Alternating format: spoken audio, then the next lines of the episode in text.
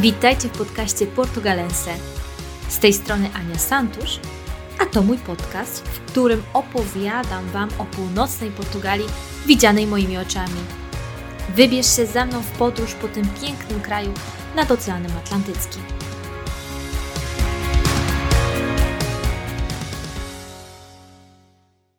Chciałam Was bardzo przeprosić za mój głos, który się pojawi w czasie tego nagrania. Mianowicie dopadło mi jakieś paskudne choróbsko pod koniec listopada i cały czas e, trwa. Jeszcze nie jestem na 100% wyleczona, stąd też mój głos jest trochę inny od tego, jaki mam zazwyczaj. Ale mam nadzieję, że nie będzie Wam to przeszkadzało w odsłuchaniu tego odcinka podcastu. Nadszedł grudzień. Ostatni miesiąc w roku, czas podsumowań, ale też czas świąteczny. Przez jednych uwielbiany, przez innych znienawidzony. Grudzień to bardzo kolorowy miesiąc w Portugalii. Zdecydowałam się na użycie tego słowa, bo w wielu portugalskich miasteczkach ulice rozświetlają kolorowe, bożonarodzeniowe światełka. Jest to jedna z tradycji miejskich, która obowiązuje w każdym z miast na północy, ale myślę też, że, że na południu Portugalii ona również jest dosyć popularna. W tym odcinku chciałabym poruszyć temat właśnie świąteczny, to znaczy chciałabym poopowiadać trochę o portugalskich tradycjach z tego okresu około Bożonarodzeniowego. Dzisiejszy odcinek nie będzie stricte o samych świętach Bożego Narodzenia, ale właśnie o tym, co dzieje się w ciągu tego miesiąca w Portugalii.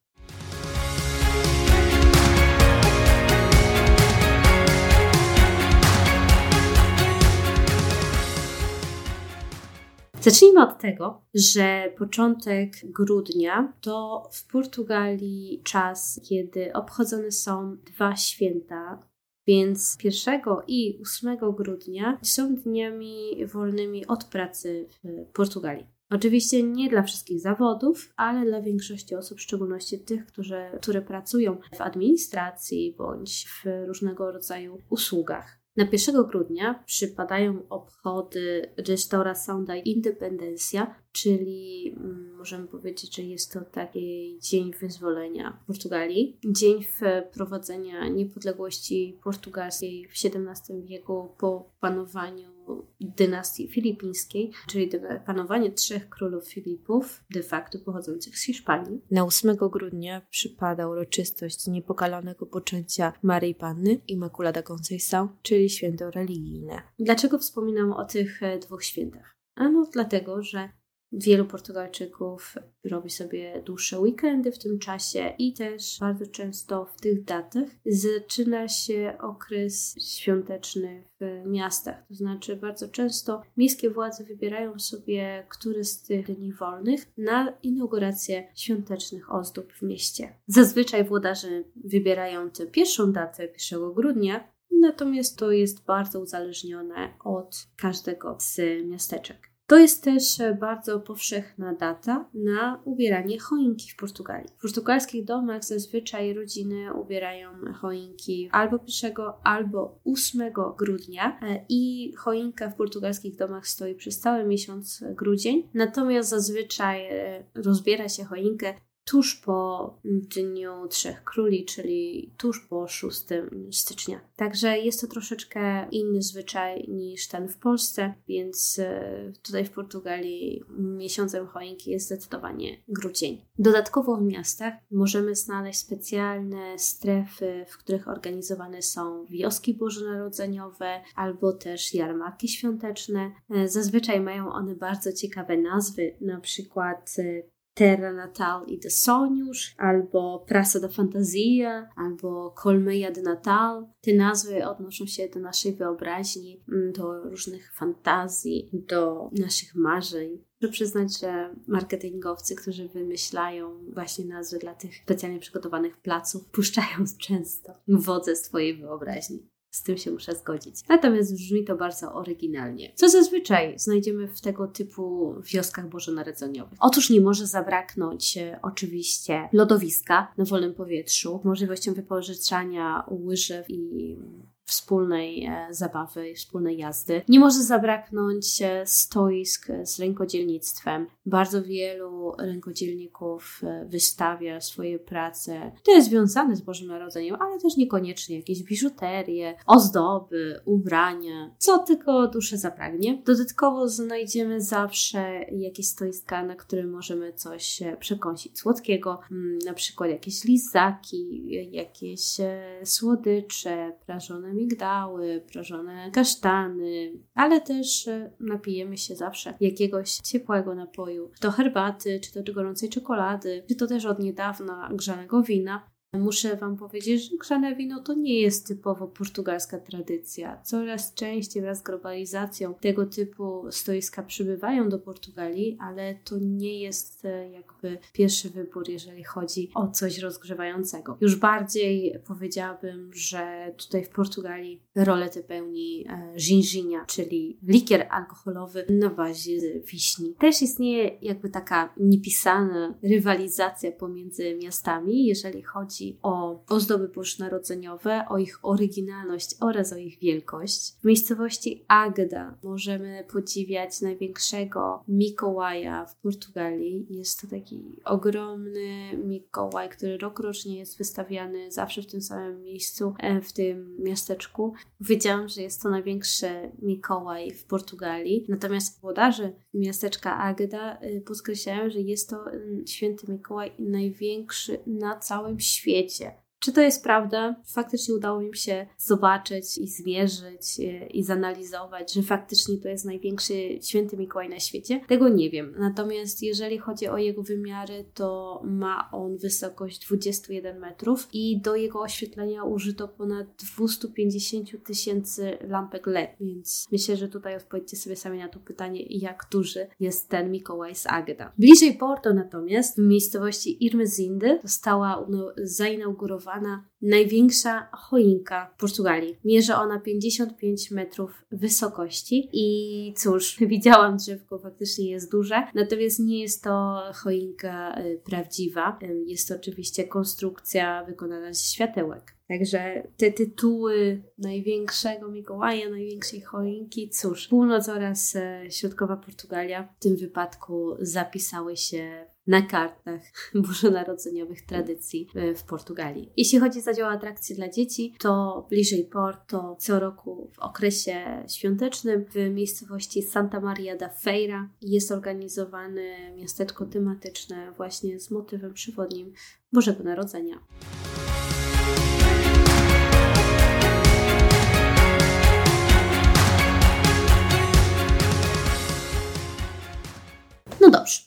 Co z prezentami, co ze świętym Mikołajem? Czy w Portugalii obchodzi się Mikołajki? 6 grudnia w, w, polskiej tradycji obchodzimy Dzień Świętego Mikołaja, tak zwane Mikołajki. Obdarowujemy się prezentami. Natomiast czy w Portugalii ma to miejsce? Otóż nie. W Portugalii prezenty są przynoszone przez dziesiątko Jezus, czyli prezenty głównie daje się w noc 24 na 25 grudnia. Sama postać świętego Mikołaja, ta z popkultury oczywiście jest wszechobecna, jeżeli chodzi o dekoracje, natomiast e, postać biskupa mm, świętego Mikołaja, ona y, jest celebrowana powiedzmy bardziej w stopniu lokalnym. Dowiedziałam się niedawno o tym, że 6 grudnia w Porto, w jednej z gmin, właśnie dokładnie o tej nazwie São Nicolau, czyli świętego Mikołaja, przybywa co roku Mikołaj na spotkanie z dziećmi. Biskup przypływa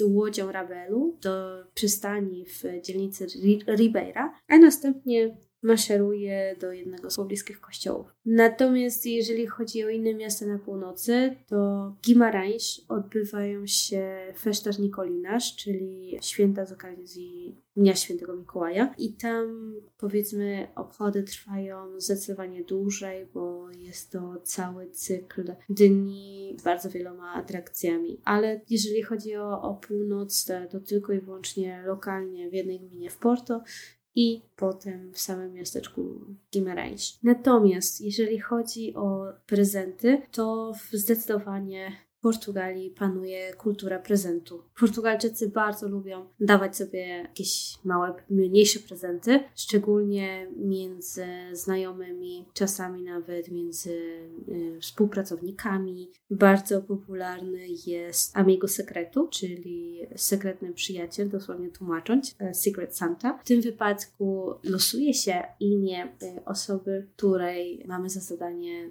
znaleźć jakiś mały prezent do ustalonej wcześniej kwoty. Bardzo często te prezenty wręcza się w trakcie różnego rodzaju obiadów bądź kolacji świątecznych, bo tutaj w Portugalii istnieje zwyczaj, żeby robić sobie takie małe wigilie, nie tylko wśród e, współpracowników, ale także wśród e, swoich znajomych.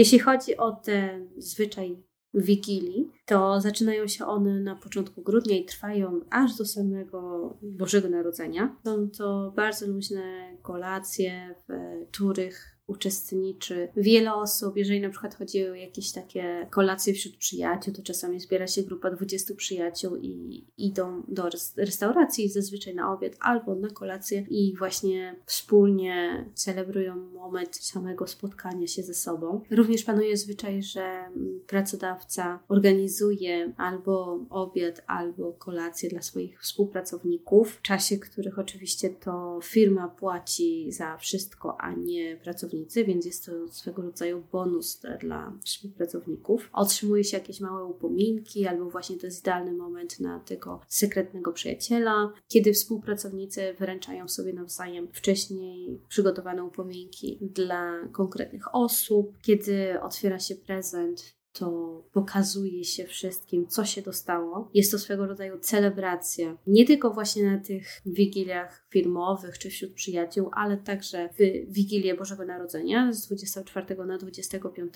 grudnia. Jeżeli chodzi o, ten, o tę właściwą Wigilię, to z otwarciem prezentów czeka się aż do północy.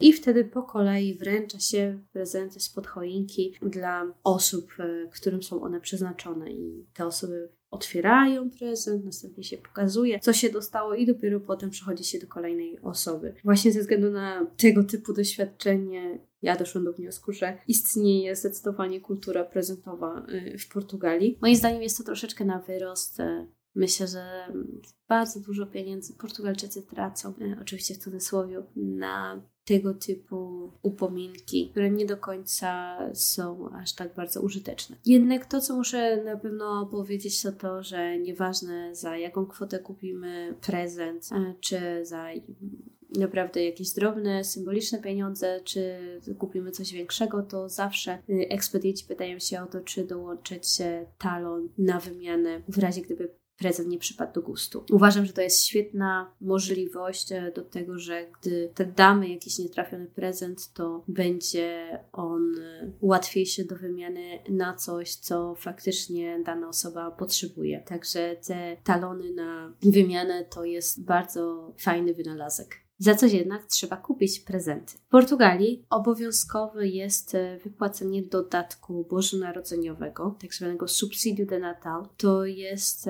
14 e, pensja w roku. 13 pensja to jest e, dodatek wakacyjny, czyli subsidiu de ferias. Także każdy pracodawca ma obowiązek wypłacić swojemu pracownikowi w ciągu roku 14 pensji. Kiedyś więcej opowiem na ten temat. Dzisiaj nie będę zagłębiać się aż tak bardzo w szczegóły. Natomiast faktycznie już mniej więcej w listopadzie, ewentualnie na początku grudnia, pracodawcy płacą pracownikom 14 pensję, czyli subsidiu de natal żeby wspomóc finansowo właśnie ten czas, kiedy jest bardzo dużo wydatków w portugalskich domostwach. Oczywiście nie tylko same prezenty, ale również trzeba wydać pieniądze na przygotowanie samych świąt, na kupienie podstawowych produktów, których nie może braknąć w żadnej portugalskiej kuchni. W wielu firmach istnieje także zwyczaj dawania cabazes de Natal, czyli jakby takich paczek bożonarodzeniowych. Ja muszę przyznać, że akurat moja firma w tym wypadku jest dosyć mm, hojna, w sensie wszyscy pracownicy czekają z niecierpliwością, aż przyjdzie grudzień i wreszcie dostaniemy naszą paczkę bożonarodzeniową. Zazwyczaj nasza firma zamawia takie piękne, wiklinowe kosze, które są pełne jedzenia, pełne słodyczy, nigdy nie może w nich zabraknąć na przykład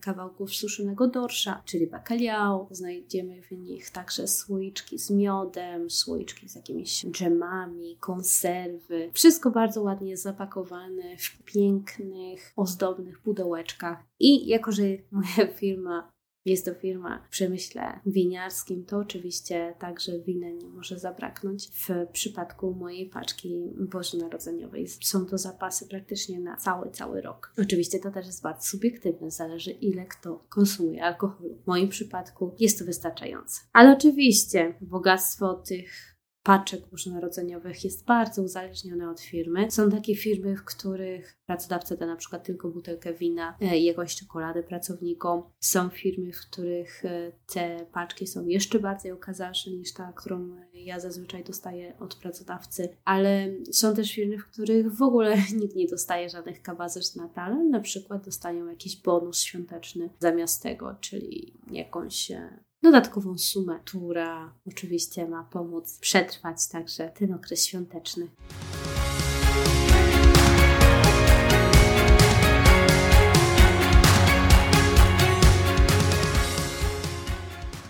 A jak to jest z tradycyjnymi filmami bądź piosenkami świątecznymi? Czy one w Portugalii również są popularne? Oczywiście. Nie ma świąt bez Kevina. Myślę, że tutaj sytuacja jest dokładnie taka sama jak w Polsce.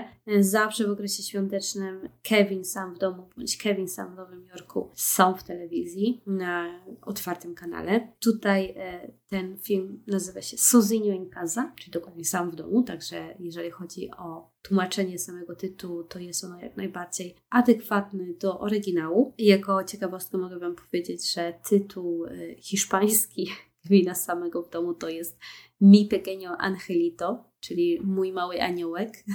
tak sobie przetłumaczyli Kevina, także jeżeli chodzi o portugalską wersję, no to jest ona wierna oryginałowi, bez, bez wątpienia. Jeżeli chodzi o radio portugalskie, to oczywiście także stacje puszczają różne świąteczne piosenki. Portugalskie, amerykańskie, brytyjskie, praktycznie tego samego typu piosenki, które możemy słuchać i w polskim radiu. To, co jest e, interesujące i co roku zazwyczaj ma miejsce, to jedna ze stacji radiowych portugalskich, a mianowicie Radio Comercial, tworzy swoją świąteczną piosenkę co roku. To znaczy, pracownicy radia wymyślają tekst do jakiegoś e, słynnego przeboju, i ten tekst oczywiście gdzieś tam nawiązuje do e, świąt Bożego Narodzenia, i zazwyczaj właśnie nagrywają ten tekst z jakimś śmiesznym teledyskiem, i też staje się to oczywiście jakimś wiralem w internecie. Także jeżeli jesteście ciekawi, zajrzyjcie koniecznie jak wygląda piosenka świąteczna z tegorocznej edycji w Radio. A jak wygląda samo Boże Narodzenie? Postanowiłam, że opowiem o tym w osobnym odcinku, który pojawi się tuż przed samymi świętami Bożego Narodzenia. Jednak dziś wspomnę, że w Portugalii tylko 25 grudnia jest dniem wolnym od pracy. To znaczy w Portugalii nie obchodzimy 26 grudnia. Będzie to dzień, kiedy wszyscy normalnie idą do pracy i nic już większego się nie dzieje. Natomiast Wigilia jest też dniem pracującym, więc e, jeżeli akurat nie wypada w weekend, to możemy być pewni, że praktycznie większość osób pójdzie do pracy w tym dniu.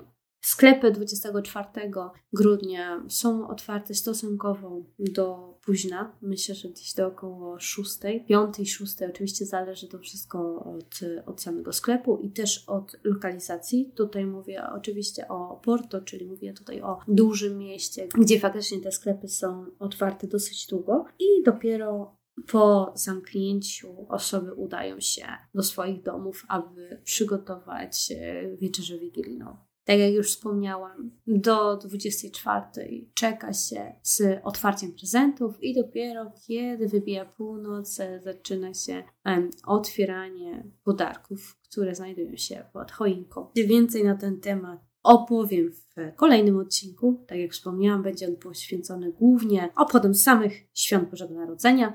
Opowiem w nim trochę więcej na temat tego, co się je w święta w Portugalii. Mam nadzieję, że tym odcinkiem przybliżyłam Wam trochę zwyczaje panujące w grudniu w portugalskich miastach. Jeżeli znacie jeszcze jakieś inne ciekawe albo lokalne zwyczaje, które są celebrowane w Portugalii, to dajcie koniecznie znać, bo z chęcią się także o nich dowiem. Będę wdzięczna za każdą subskrypcję mojego kanału na YouTubie. Będę wdzięczna również za przekazanie tego podcastu dalej osobom, które mogłyby być nim zainteresowane. Mam nadzieję, że Wam się podobało i że będziecie ze mną za kolejne dwa tygodnie, w czwartek, w kolejnym, drugim odcinku na temat świąt Bożego Narodzenia w Portugalii. Dziękuję za wysłuchanie kolejnego odcinka podcastu Portugalense. Jeżeli chcecie dowiedzieć się czegoś więcej na temat północnej Portugalii, odwiedźcie koniecznie moją stronę www.portugalense.com. Znajdziecie mnie także na Instagramie portugalense blog oraz na YouTubie Portugalense. Do usłyszenia w kolejnym odcinku podcastu Portugalense.